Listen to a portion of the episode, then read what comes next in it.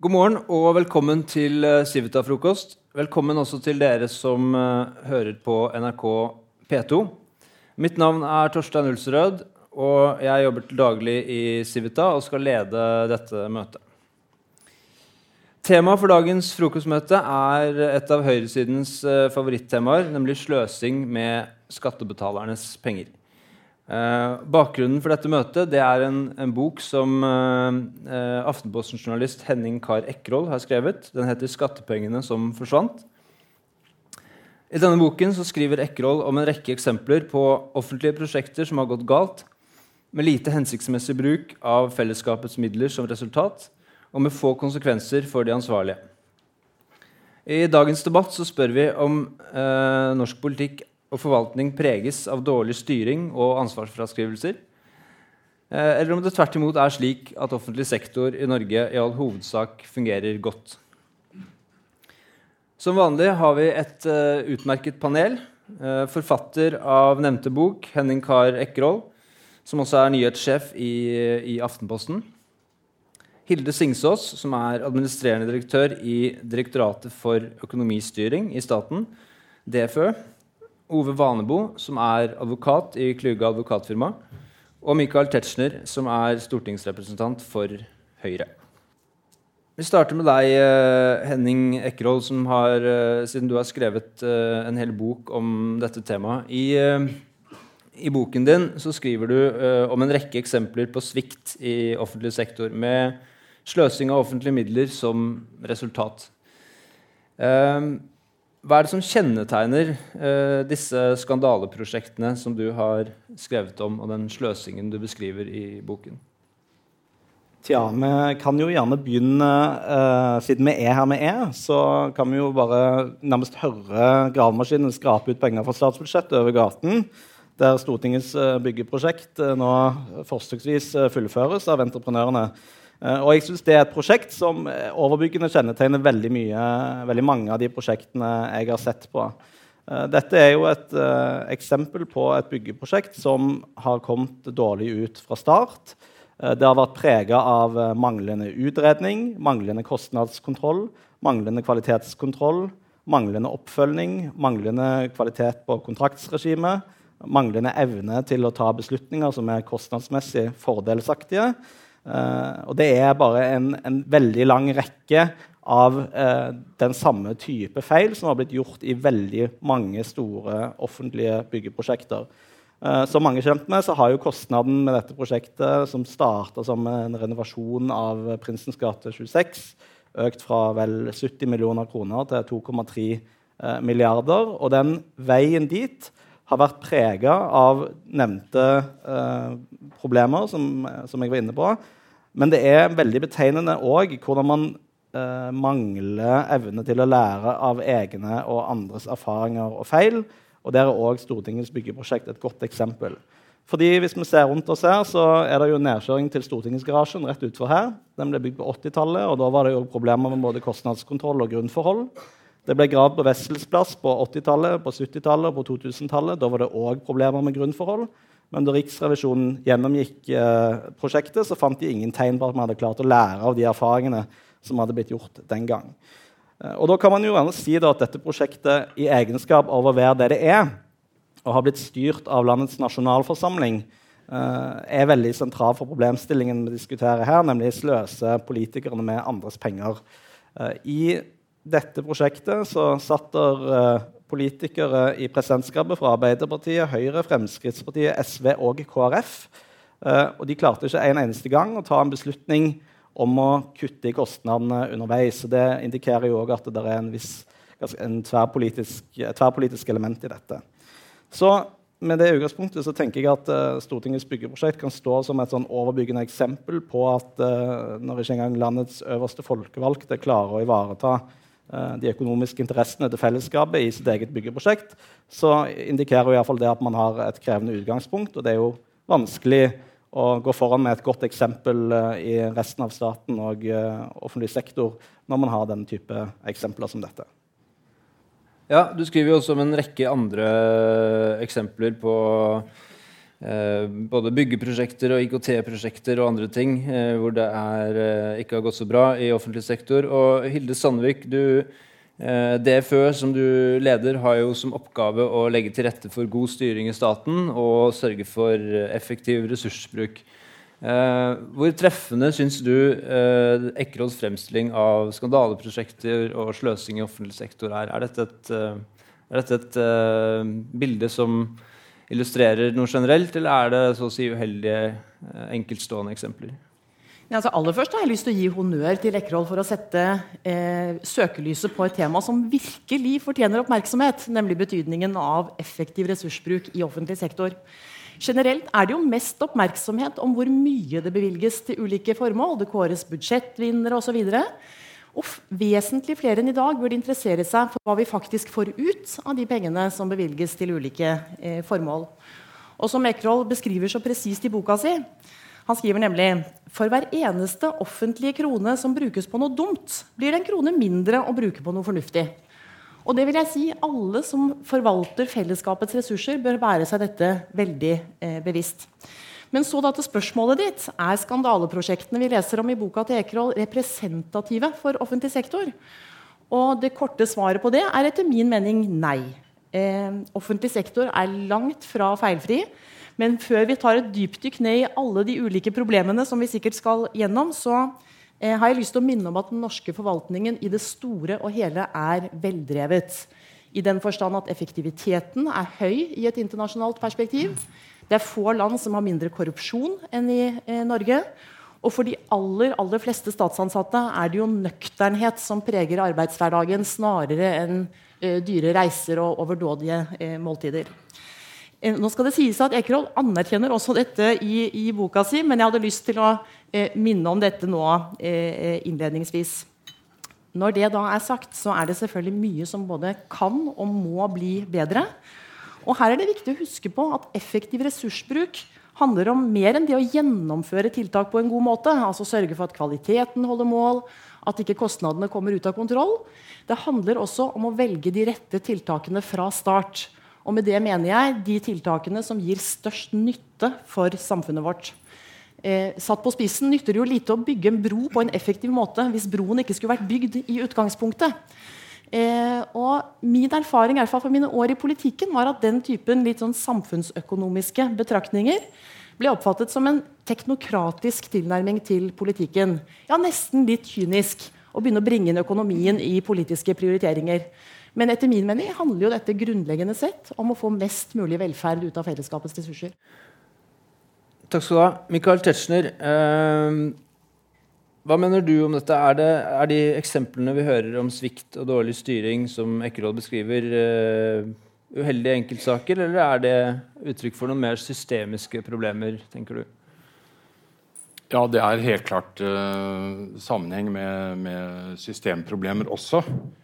Um, da jeg forberedte meg til dette, så kom jeg i tanke om uh, et Tolstoy-sitat. Han sier, eller lar Anna Karenina åpne med følgende Alle lykkelige familier ligner hverandre. Hvor ulykkelige familier er ulykkelige på sin egen måte. Um, og det er litt fristende å vri til det vi snakker om nå, nemlig at alle vellykkede prosjekter ligner hverandre. Hvert mislykket prosjekt har feilet på sin egen måte. Og det er, det er jo sånn, Når ting klaffer, så tenker vi ikke på alle de kritiske faktorene og den risikoen man har vært igjennom. Kanskje alle de gode beslutningene som er tatt underveis. Antisipert problemer. Holdt seg til anbudsreglementene. Um, og da, da, identifiserer vi ikke problemene. Så jeg syns det er helt forståelig at uh, Henning legger slik vekt på de mislykkede prosjektene. Og så er spørsmålet om det er noen um, fellestrekk ved det. Og jeg må jo si jeg har særlig interessert meg for styringssystemer i det offentlige. Man kan nok tro at Stortinget er en, en, en nokså triviell uh, byggeoverskridelse, men det er mye mer enn det. Det er snakk om en, uh, et inkompetent presidentskap som ikke informerer det organ i Norge som skal treffe de reelle beslutningene om å bevilge pengene. De har satt seg i en blindvinkel som for øvrig Unnskyld. Som for øvrig eh, vår tidligere finansminister Sigbjørn Johnsen gjorde oppmerksom på, at Stortinget rekvirerer penger. Fordi det stilles i, ut fra respekt for maktfordelingsprinsippet. Eh, et prinsipp jeg for øvrig er sterk tilhenger av, men, men, her fungerer det ikke så godt. fordi Det betyr jo at man bare kan bestille de pengene man vil fra Finansdepartementet, som legger inn tallene i budsjettproposisjonene. Og Når da eh, presidentskapet ikke fremlegger et prosjekt til reell avgjørelse for Stortinget, eh, men bevilger etterskuddsvis, så, så kommer vi ille ut. Ja, det var til og med slik at De store uh, utvidelsene av prosjektet uh, tatt, var jo tatt av presidentskapet mens man lot Stortingets plenum uh, debattere uh, månedgamle budsjettinnstillinger basert på et helt annet prosjekt.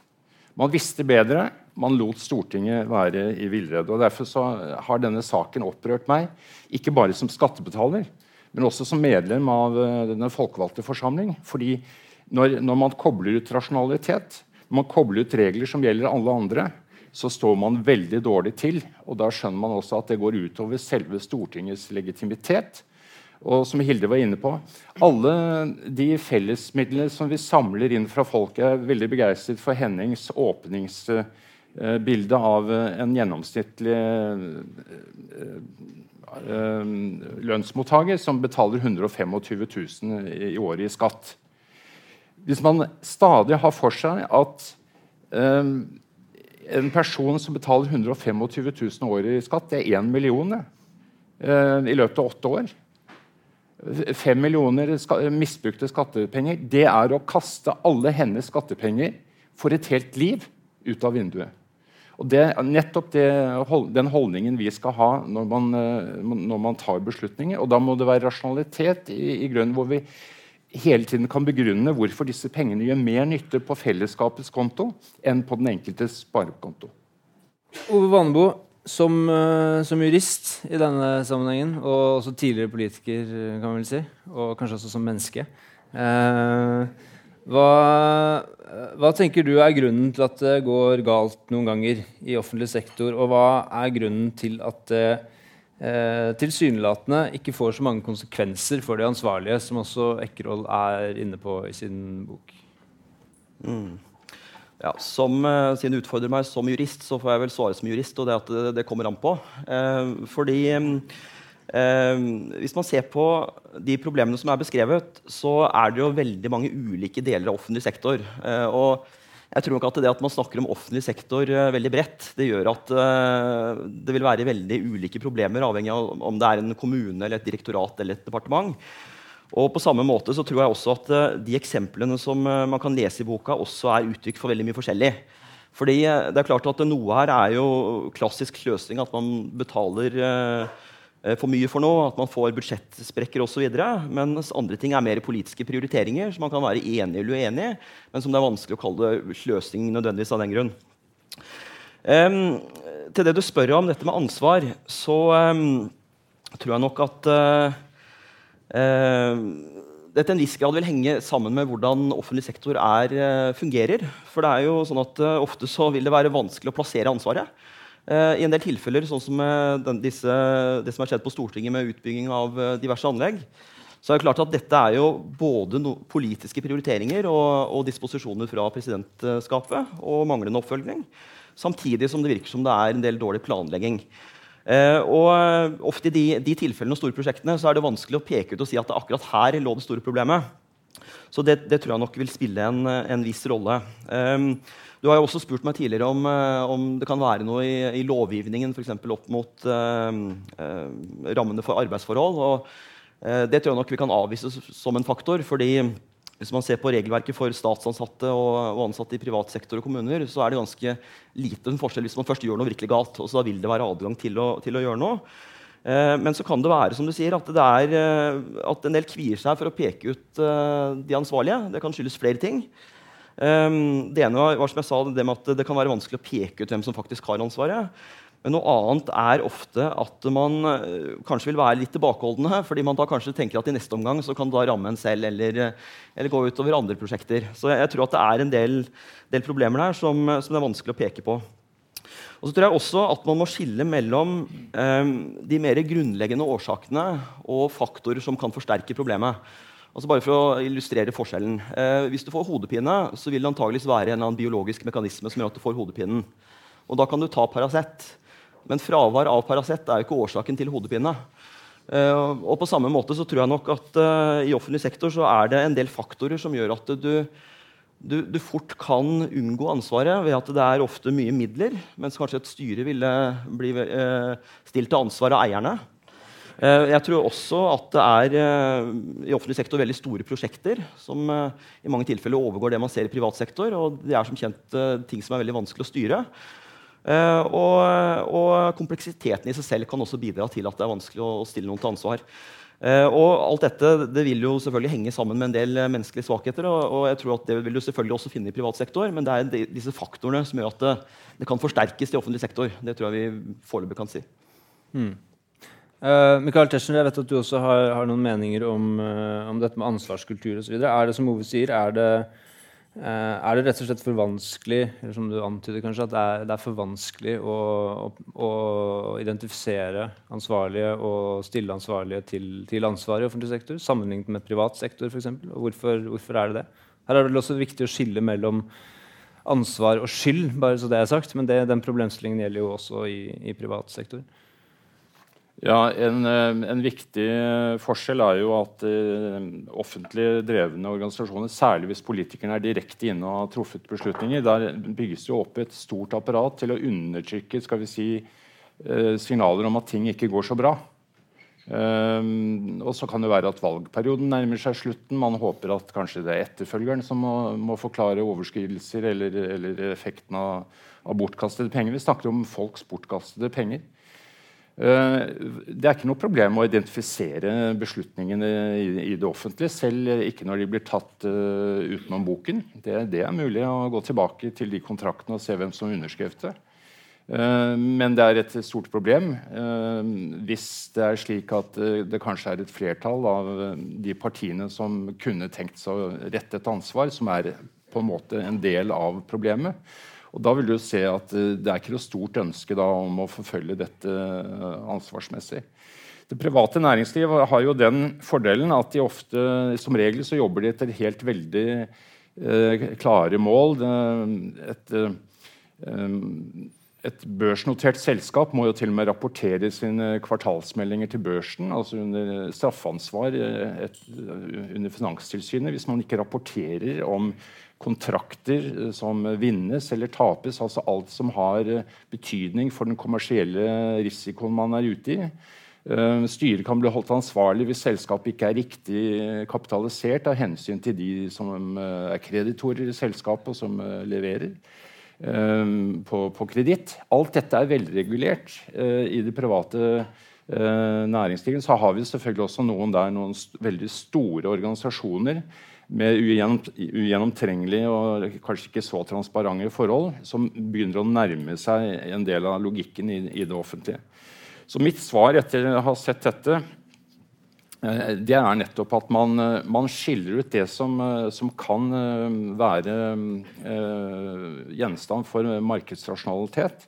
Og så, så, lar man de, våre utmerkede politikere, for de er jo ikke korrupte, vi kan glede oss over det, men så lar vi dem uh, gjøre det uh, de skal gjøre, lage lover. Og så er det ikke driftsorganisasjoner. De er på sitt beste når de, når de setter seg ned og tar imot tillitsverv.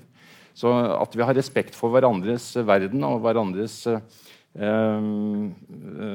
oppgaver, det, det, tror jeg er helt vesentlig. Og så er det jo dette som bekymrer meg, at politikere blir ofte forelsket i en, i en idé.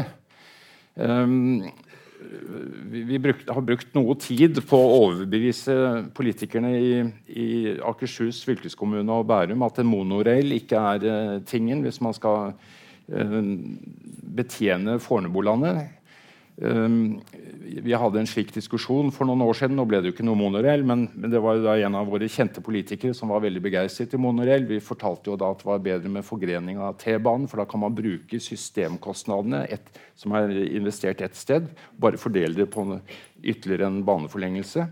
Men, og vi prøvde å fortelle at uh, da må du ha egne verksteder, egne vogner egne, i det hele tatt, Alle systemkostnadene skulle altså fordeles på 3,5 km med skinner.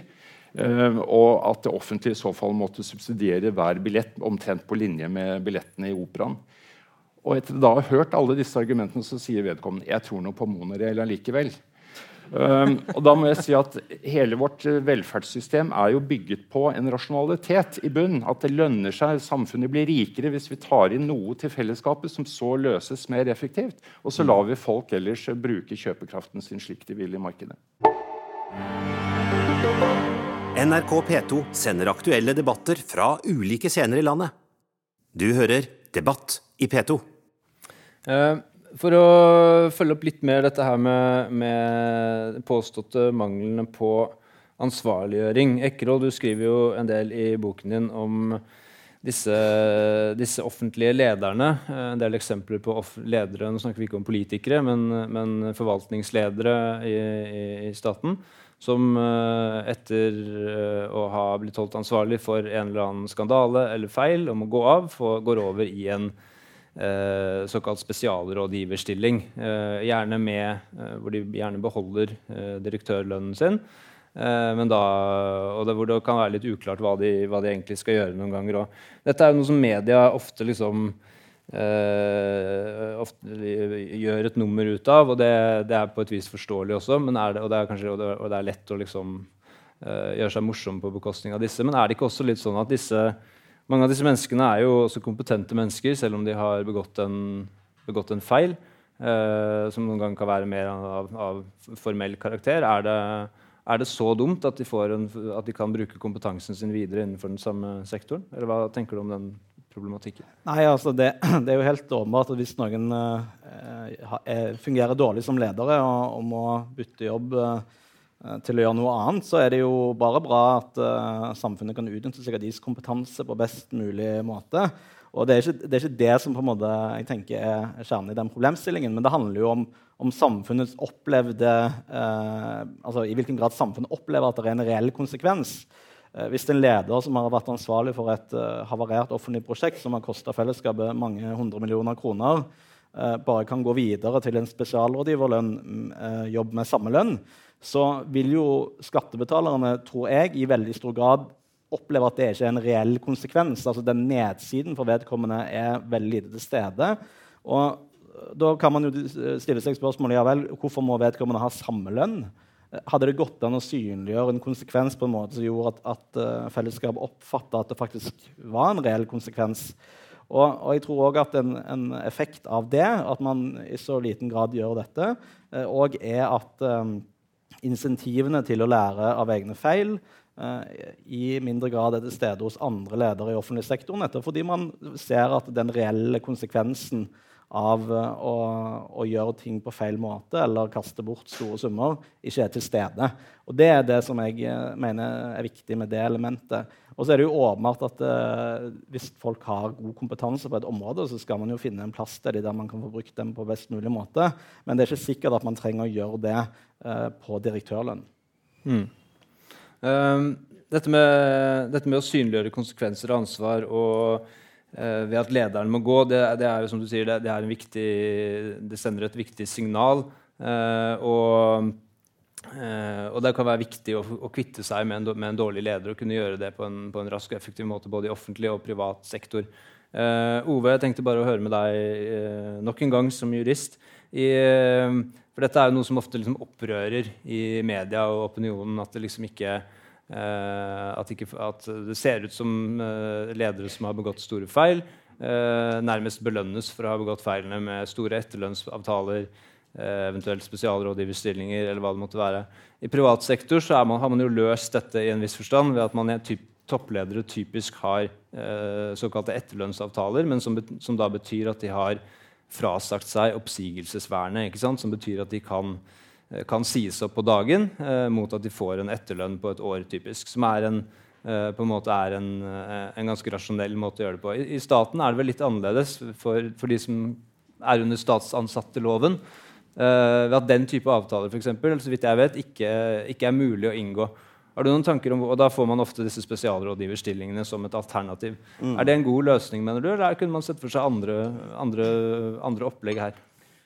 Um, så det er, det er, jo riktig som du sier at uh, det er jo uh, Jeg tror ikke engang det er, det er tillatt uh, i staten å ha den ordningen med at du som virksomhetens øverste leder fraskriver deg oppsigelsesvernet mot, mot etterlønn. Det, det, tror jeg ikke man har i staten. Um, og så kan man peke på at det, det, ville kanskje løst noen ting. Men jeg, etter å ha tenkt over det, så, så tror jeg ikke det. Fordi For det første så um, vil jo ikke det løse mye av den si, den tillitskrisen som ofte oppstår i kjølvannet av, eh, av, av, dårlig arbeid. Fordi, eh, for det første så får du den situasjonen at noen går av, men likevel får en, eh, en, en grei etterlønn. Altså som, så da har jo disse fallskjermordningene hvor de fraskriver seg oppsigelsesvernet, vil jo omtrent være det samme som at man inngår en sluttavtale hvor man får en, et sluttvederlag som skattebetalerne ofte reagerer på. Eh, en annen ting er at eh, Hvis vi hadde innført det i staten, så er det ikke sikkert at man hadde brukt i stort monn. Jeg kan jo se for meg at eh, det ville vært veldig politisk upopulært å akseptere den type avtaler hvor folk får, får store fallskjermer. Um, men når det er sagt, så tror jeg at sluttavtaler kan være fornuftige for å få folk ut av systemet raskt. For det er jo klart at i oppsigelsesprosesser, for i offentlig sektor, så skal man i utgangspunktet følge forvaltningsloven.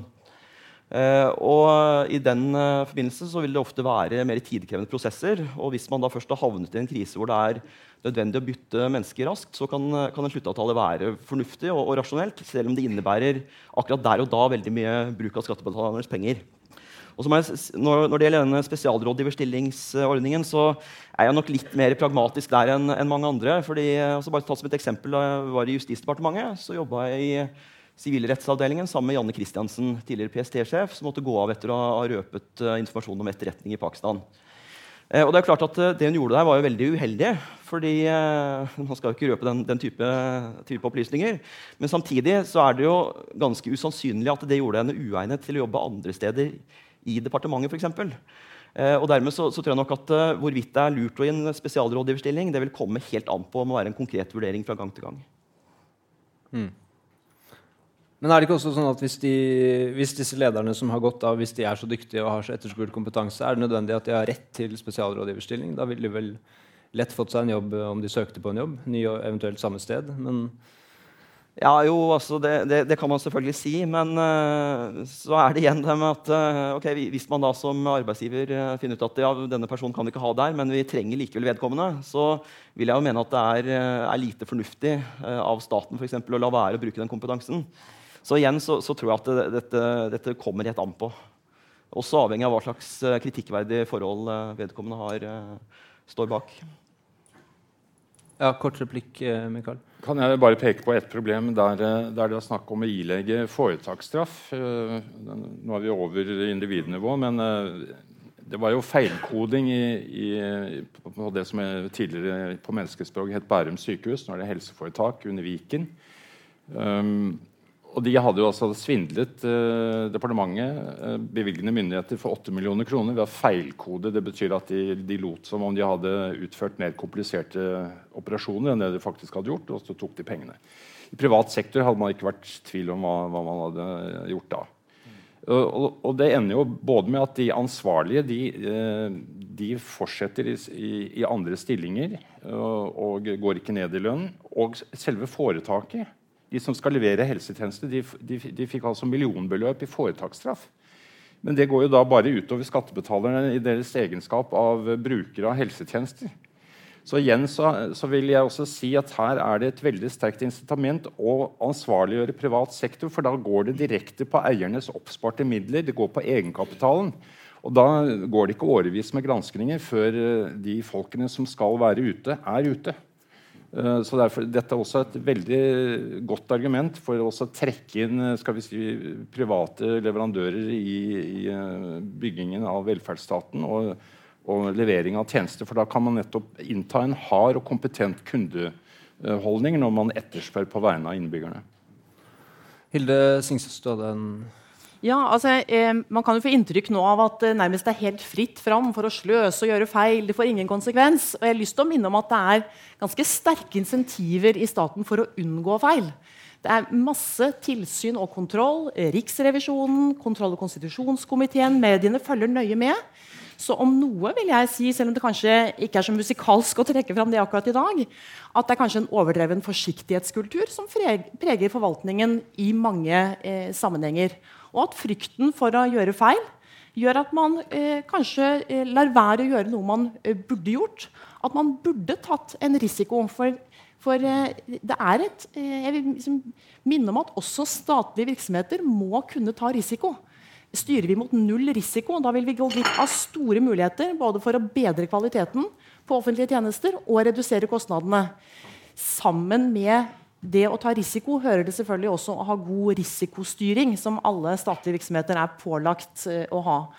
Man må gå systematisk gjennom det som kan gå galt, både på et operasjonelt nivå og på et strategisk nivå.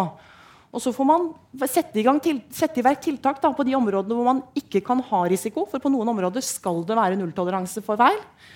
Og så må man klargjøre hvilken risiko er vi faktisk villige til å leve, leve med. Mm.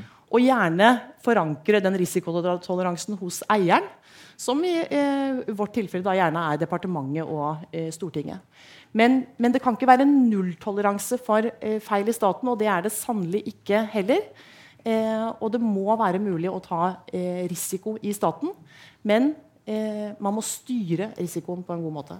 Ja, jeg tror du er inne på noe viktig der med ja, risikoforståelse og risikostyring osv. Men det er vel også noe som mange har vært opptatt av, eh, ikke minst etter 22.07-hendelsen. At vi kanskje vi har jo en litt sånn revisorkultur eh, i stadig økende grad også i staten, hvor det blir veldig mye oppmerksomhet om ofte små formalfeil og veldig stor frykt for å unngå små Man gjør mye for å unngå små, små eh, formalfeil, samtidig som man ser eksempler på at de helt store feilene og helt katastrofale feilene de får eh, kanskje ikke alltid store konsekvenser.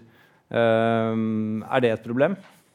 Jeg tror du er inne på noe. Eh, at eh, selv den minste feil ofte, eh, får ofte store overskrifter. Og det er klart Hvis, hvis hver statlig virksomhet skal både forebygge og forhindre enhver tenkelig liten feil, så blir det jo mindre penger igjen til å drive med verdiskapingen, for å bruke ditt vokabular. Altså mindre penger til å faktisk levere velferdstjenester. Men som jeg var inne på, risikostyring handler jo også om den strategiske risikoen. Eh, altså stille spørsmålet om, om det man faktisk holder på med, tjener formålet? Oppnår vi det vi er til for? Den typen spørsmål bør man også stille seg når man driver risikostyring. Ikke bare jakte på de eh, småfeilene litt eh, hist og her. Da var det først Ove. Hvis du fortsatt en, hadde du en replikk til Det var kanskje det med ansvarliggjøring du var på?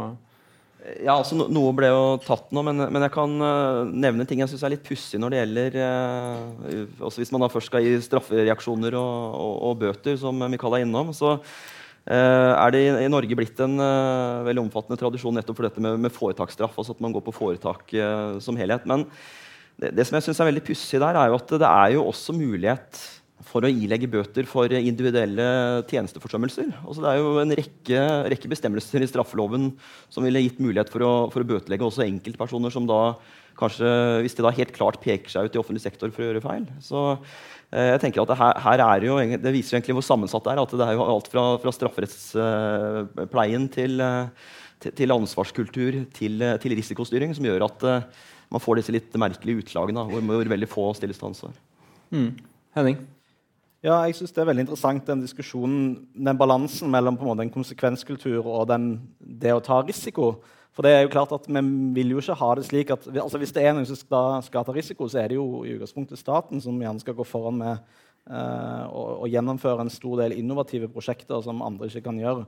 Men jeg vil gjerne understreke at mange av de prosjektene jeg har sett på, de fleste faktisk, de er av en karakter det er ikke noe spesielt innovativt uh, ved prosjektets karakter. Altså, man gjør de samme feilene som mange, man har gjort mange mange ganger før, og som kunne vært unngått hvis man bare hadde sett, lest en eneste revisjons- eller granskingsrapport fra et uh, annet byggeprosjekt uh, eller IKT-prosjekt. Så det er viktigere å skille mellom måte, den risikoen man må ta for å få drive samfunnet fremover, og den risikoen man bør absolutt unngå ved å lære av de feilene man selv har gjort, eller andre har gjort før. Og Det er det jeg er opptatt av når jeg tenker på konsekvenskultur. Altså, og Det er klart at det er jo ikke ønskelig å ha en situasjon der man ikke klarer eller vil ta risiko i de delene av staten der man bør ta risiko fordi man er redde for konsekvensene uh, det får. Her, og her er det jo en vanskelig balanse, men jeg mener i alle fall at i veldig mange av de prosjektene jeg har sett på, så er det åpenbart at man hadde klart å unngå de feilene som har blitt gjort, hvis man hadde hatt evne til å lære av tilsvarende feil som har blitt gjort før. Ove? Ja, um jeg skal, eh, skal, ta offentlig sektor eh, litt mer i forsvar. fordi eh, det man ofte glemmer her, er jo at uh, i en del tilfeller så er det klare politiske prioriteringer som står bak at man bruker mye penger. Nå skal jeg bruke to eksempler fra min egen tid i, i Justisdepartementet. Uh, det ene går på Politidirektoratet. Uh, Politidirektoratet er omtalt i Ekelås bok som et eksempel hvor man da bruker veldig mye digital konsulenthjelp og, og bruker svært mye penger på det. Og Det er klart at uh, det er et eksempel hvor, uh, hvor, man ser at skattepenger uh, brukes i veldig stort monn. Men samtidig så er det også veldig klare politiske føringer om at Politidirektoratet ikke skal ese ut. og Hvis man hadde ansatt disse personene i direktoratet, så hadde man i hvert fall fått kritikk for at ja, bare se på det sentrale byråkratiet som bare øker og øker. Så her er det jo en klar interessemotsetning. det andre er fengselsbygging. Um, vi bygger ut to store fengselenheter på Sørlandet. og Eh, der er et veldig godt eksempel på at det offentlige har eh, gjort godt forarbeid. fordi Der har man tatt utgangspunkt i ulike modulbygg, som gjør at man kan standardisere og dermed spare penger istedenfor å mm, komme med nye prosjekter som har ulik arkitektur fra gang til gang. Men i det tilfellet så har politikerne allerede på forhånd bestemt hvilke kommuner som skal ha eh, disse fengslene. og Dermed så har de som da har eiendom i disse områdene, klart å presse opp prisen. antageligvis. Mens hvis vi da hadde eh, gjort dette på en annen måte ved å legge opp til at kommunene skulle konkurrere om å tilby de rimeligste tomtene og mest egna tomtene, så ville man kanskje også fått et annet kostnadsbilde der. Eh, og når det gjelder fengselsbygging, så er det også eksempler på at eh, vi fra sentralhold også fra byråkratiets side sier at dette ville være det mest kostnadseffektive. Men så kommer det en lokalpolitiker som sier at akkurat i mitt område så må vi bygge om dette gamle fengselet som ikke har vært pussa på flere hundre år. Så eh, igjen, jeg, jeg, tror at det her må man få fram hele bildet, og at ofte så er det rene politiske prioriteringer som gjør at ting blir kostbart. Ja, Det du tar opp der med sånn uh, kritikk av konsulentbruk, er vel en gjenganger i, i, i media hvor, man, hvor det, er, uh, det, blåses opp at det er brukt x antall millioner på, på konsulenter. Vi hadde jo det samme i denne ILPI-saken med UD i fjor. Hvor uh, var det VG som lagde en stor reportasje om at UD brukte konsulenter. Men som du sier, så har jo UD samtidig press på å ikke ansette flere byråkrater. og da skal du drive inn, Samtidig som bistandsbudsjettet øker, så skal, noen, skal, no, altså skal du drive kunnskapsintensiv virksomhet der hvor noen skal uh, administrere penger på en forsvarlig måte, så trenger man jo, ja, ofte er det jo enten ansatte eller konsulenter. Da. Så det er jo på en måte, ja. ja. Ofte er det også helt perfekt rasjonelt å, å, bruke konsulenter, nettopp fordi du kan få spesialkompetanse og, og bistand i en veldig avgrenset periode, fremfor da å ansette og, og da sørge for at man får kritikk for å for å få flere i statlig sektor. Mm. Hilde, du hadde Nei, jeg vil bare underskrive på det at uh, styring i offentlig sektor er vesentlig mer komplisert, tror jeg, uh, enn styring i privat sektor. Jeg tror i hvert fall det er litt enkelt å bare si se til næringslivet hvor flott de klarer å styre, og så skal offentlig sektor lære. det er sikkert mye vi kan lære. Jeg kjenner ikke næringslivet godt nok til å si det, det er, men jeg, jeg, jeg, er sikker på at det er mye å lære. men men, men, det er noe med å huske på at eh, statlige virksomheter styrer etter politisk fastsatte mål, som også kan endre seg over tid. Hvis noe viser seg å bli mer upopulært enn man hadde trodd, så må man gjerne ha nye, eh, nye runder. Og også eh, endringer som skal gjøres, kan ikke nødvendigvis bare besluttes uten videre. Eh, sånn må det selvfølgelig være. Vi lever i et demokrati hvor, eh, hvor beslutningene eh, skal tas eh, også på et politisk nivå. Men det gjør jo også at det er mange flere hensyn å ta enn det smale hensynet til effektiv ressursbruk. For mange virksomheter så vil f.eks. målet om at det skal være arbeidsplasser i hele landet, legge ganske tunge føringer på virksomhetens muligheter til å sette i gang med eh, effektivisering, som kanskje et privat eh, selskap ville, eh, ville gjennomført. Og, og, man må ta mer hensyn nettopp til eh, hvor vanskelig det er eh, å få det gjennom eh, i forhold til velgere eh, og den typen eh, hensyn. Så styring i offentlig sektor er komplisert. Eh, desto viktigere, hvis jeg kan få lov til å legge til det, å sørge for at man i hvert fall tar beslutninger på et godt grunnlag. For mye av det som kjennetegner de, de prosjektene som har gått galt i boka til Ekerhol, er jo det at de er tatt på et mangelfullt grunnlag. Og det høres litt sånn tørt og kjedelig ut, eh, men, men, er kolossalt viktig. og eh, Direktoratet for økonomistyring, som jeg er leder, vi har gått gjennom en, en god del statlige utredninger. Eh, og den gjennomgangen viser at det er et betydelig rom for forbedringer. For så er halvparten, I halvparten av de utredningene vi har sett på, så har man ikke beskrevet hvilket problem man faktisk skal løse, eller hva som er målet med tiltak. Enda flere eh, ser bare på ett mulig alternativ, til tross for at man egentlig er pålagt å vurdere flere. Og når de er uheldige, så er det jo for det er nesten alltid flere måter å løse et problem på. Og man vet jo strengt talt ikke om man har funnet den beste løsningen hvis man ikke har sammenlignet det med ett eneste eh, alternativ. En tredje svakhet er at nytten ofte overselges mens kostnadene undervurderes. bør høres eh, kjent ut. Og til sist så mangler det altfor ofte en, eh, si, en, vurdering av forutsetningene for en vellykket gjennomføring. Og det sier seg jo selv, det nytter lite å ha kommet opp med et, et godt forslag til tiltak hvis andre forhold gjør at det ikke lar seg gjennomføre i praksis.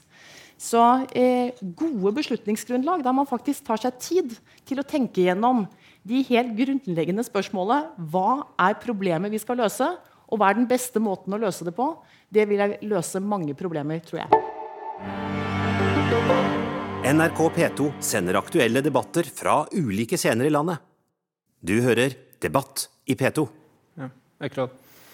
Ja, Vi var inne litt på dette med konsulenter. og Det, ofte, det kjører seg ofte fast i en sånn nærmest prinsipiell diskusjon om man skal bruke ansatte i staten eller, eller uh, leie inn konsulenter, om det er greit eller ikke.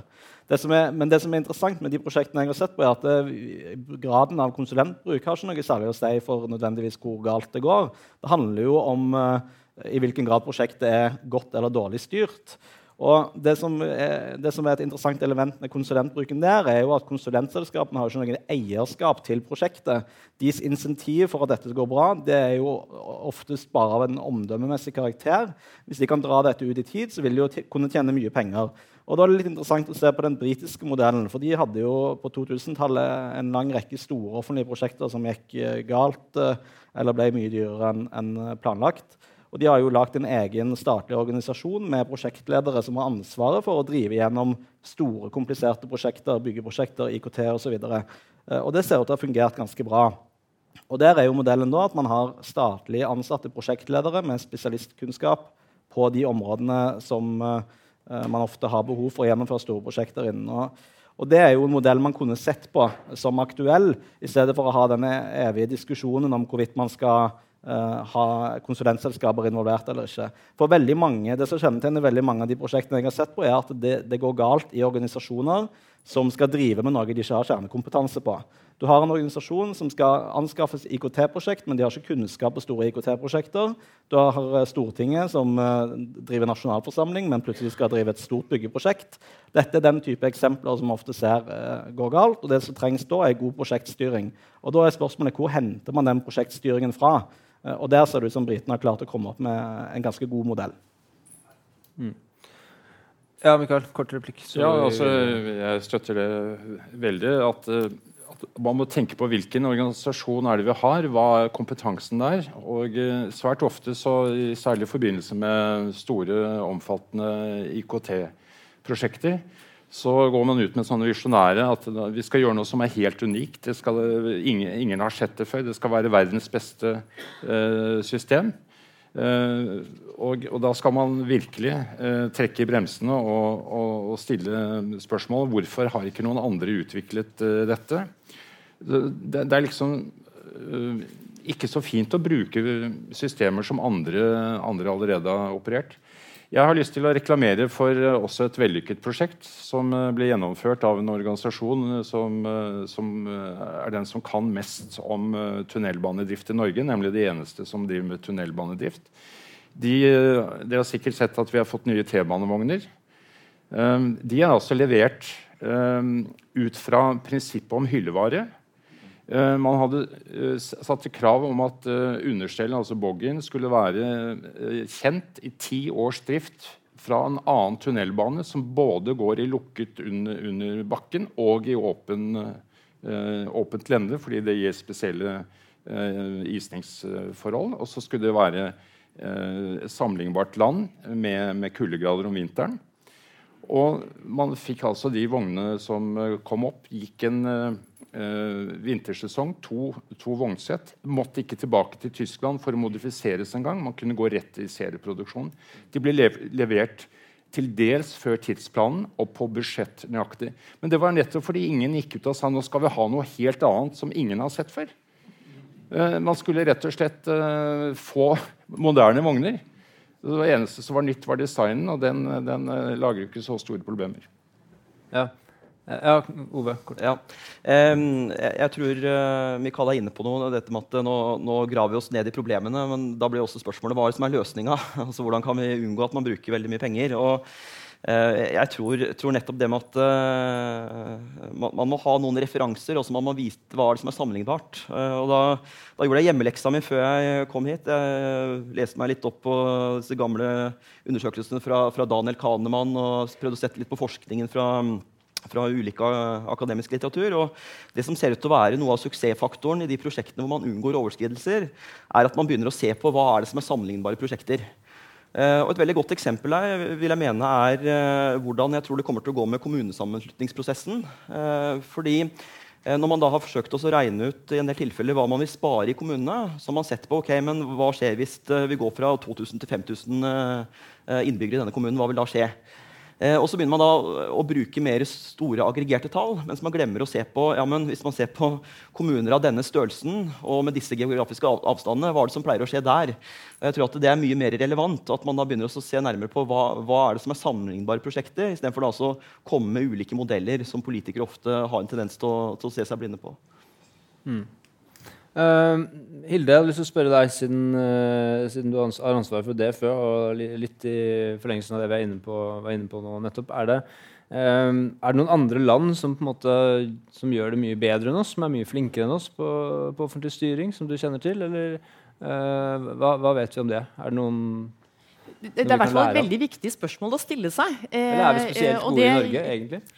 På noen områder er vi gode. Altså, det er jo gjerne sånn at ett land er ikke best på alt. Eh, ulike land er spesielt gode på ulike ting. Ja. Eh, neste uke skal DFØ ha en svær styringskonferanse hvor vi samler eh, hundrevis av eh, ledere og ansatte i staten for å eh, se nærmere på eh, effekten av offentlig virksomhet. Der stiller vi nettopp spørsmålet virker det, det vi holder på med. Og da har vi invitert flere både fagfolk og embetsfolk fra utlandet. For så er Nederland veldig gode på eh, jeg har jobbet mye med sånne områdegjennomganger. hvor man nettopp er opptatt av hva får vi igjen for ressursene på innenfor en bestemt sektor. Der tror vi at det er mye vi kan lære eh, av nederlenderne.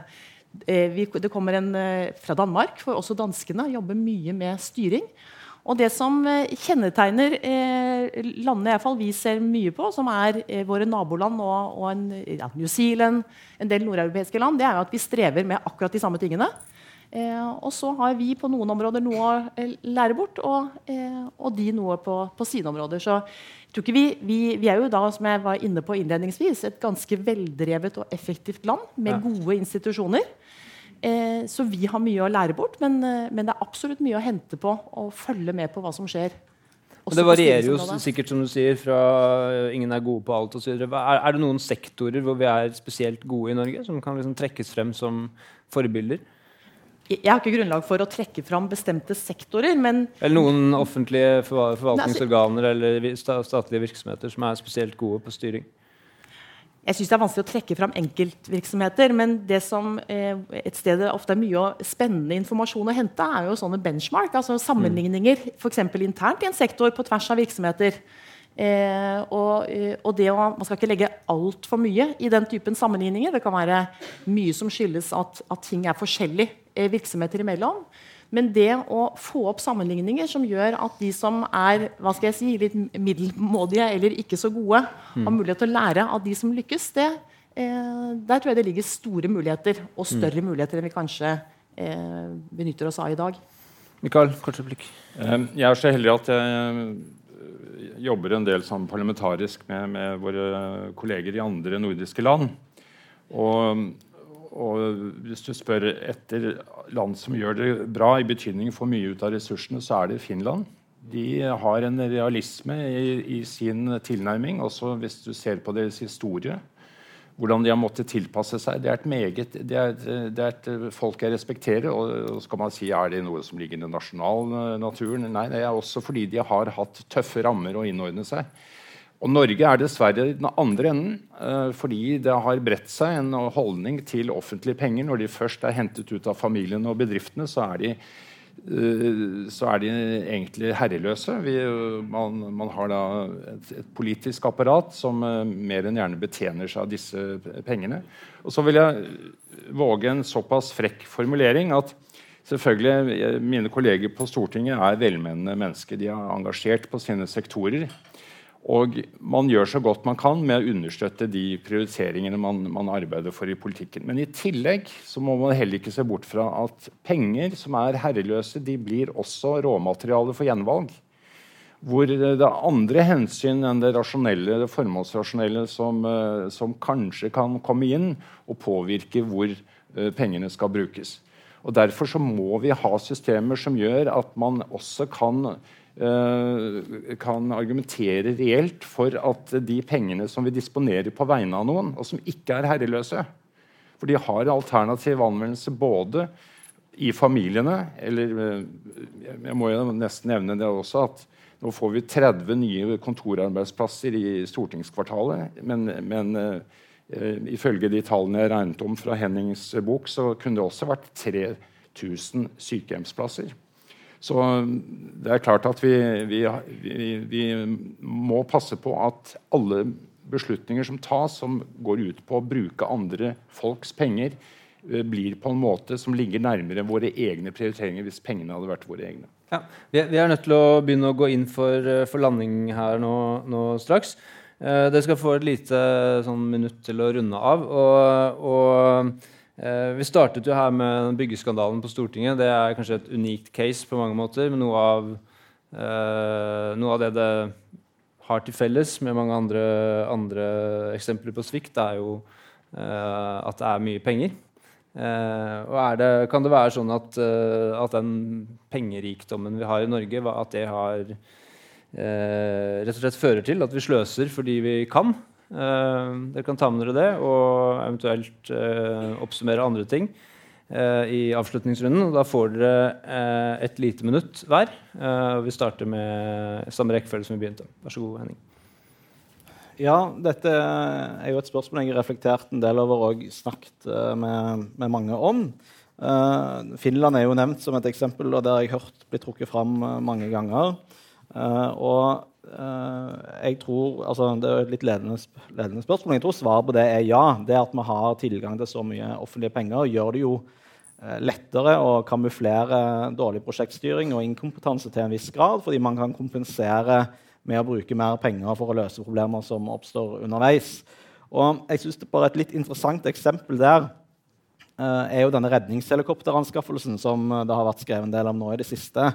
Uh, I 2002 mener jeg det var så beslutta Stortinget at man skulle bytte ut de gamle Sea King-redningshelikoptrene. Uh, og sånn det ligger nå, så vil det ha gått uh, eh, 20 år før de blir bytta ut. Og det har vært en ekstremt kompleks og omfattende anskaffelsesprosess. kostbar med mange problemer, og tilbakemeldingen fra leverandørene har vært at anskaffelsesprosessen har vært kompleks. Og da vil jeg bare understreke det at I 1969, da vi kjøpte Sea King, så tok det tre år å få helikoptrene på plass uten at vi hadde tilgang på de samme oljepengene som i dag. Og Det er jo en indikasjon uh, på at det er noe som ikke er sånn det bør være. Hilde?